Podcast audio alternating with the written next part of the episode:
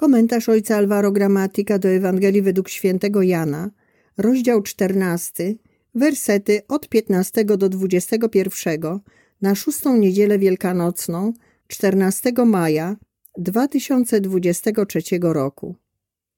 Jezus powiedział do swoich uczniów: Jeżeli mnie miłujecie, będziecie zachowywać moje przykazania.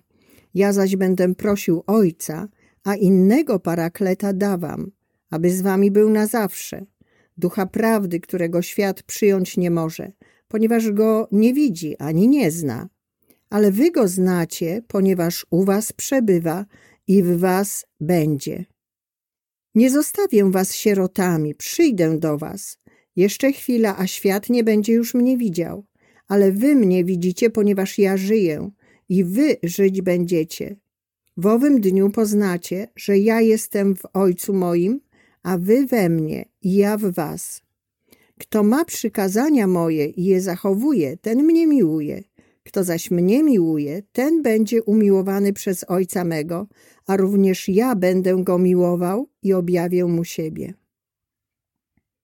Jezus modli się do Ojca, aby przyszedł ktoś inny, paraklet, aby był z uczniami na zawsze.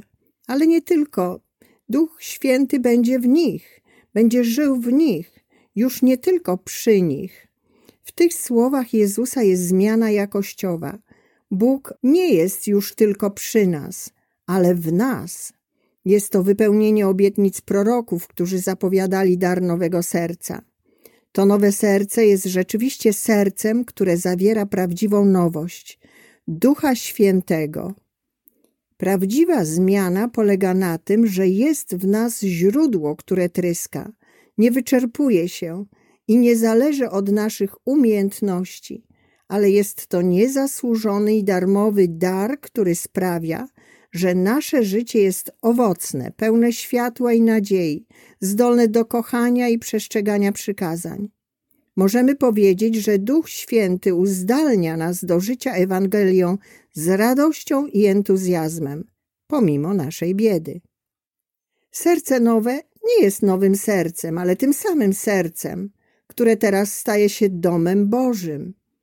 Nie jest więc owocem wysiłków i dobrych uczynków, ale ma zdolność do przyjęcia tego kogoś, kto jest w nas i przekracza nasze siły. Możemy powiedzieć, że nasze serce pozostaje ubogie, słabe, ale w tej biedzie żyje Duch Boży, którego zadaniem jest pozostać w nas. I wtedy odkrywamy, że jesteśmy pocieszeni, utwierdzeni i zdolni do kochania z radością. To jest nowość, którą Jezus przekazuje swoim uczniom. Inny rodzaj relacji, dzięki której uczniowie poczują w sobie kogoś, kto im doda otuchy, poczują w sobie nieustające źródło życia, wewnętrzne pocieszenie, które nie przestaje zapewniać, że nie jesteśmy osieroceni, opuszczeni, nowe doświadczenie, którego jeszcze nie przeżyli. Do tej pory doświadczyli Jezusa, który był przy nich, mieli wspólne doświadczenie przyjaciela, który jest z nimi. Charakteryzowało się one bliskością fizyczną, w której zmysły wyczuwają obecność drugiego człowieka, oczy widzą, uszy słyszą, ręce dotykają. Teraz Jezus wprowadza nowe doświadczenie – doświadczenie intymności, gdzie liczy się odczuwanie sercem. O ile wcześniej chodziło o poznawanie zmysłami, teraz chodzi o zdolność, jaką mamy w sobie. Jest to początek poznawania uczuciowego, które możemy nazwać miłością. I to odczuwanie miłości wewnątrz nas pozwala nam poczuć, że jesteśmy w komunii z Bogiem, z braćmi, z nami samymi, z życiem. Żyjemy jako wiecznie pojednani. Jest to dar, który jest nam dany i uzdalnia nas do przestrzegania przykazań, to znaczy do kochania. Teraz przede wszystkim poznaje się sercem, przeżywa sercem radość Ewangelii.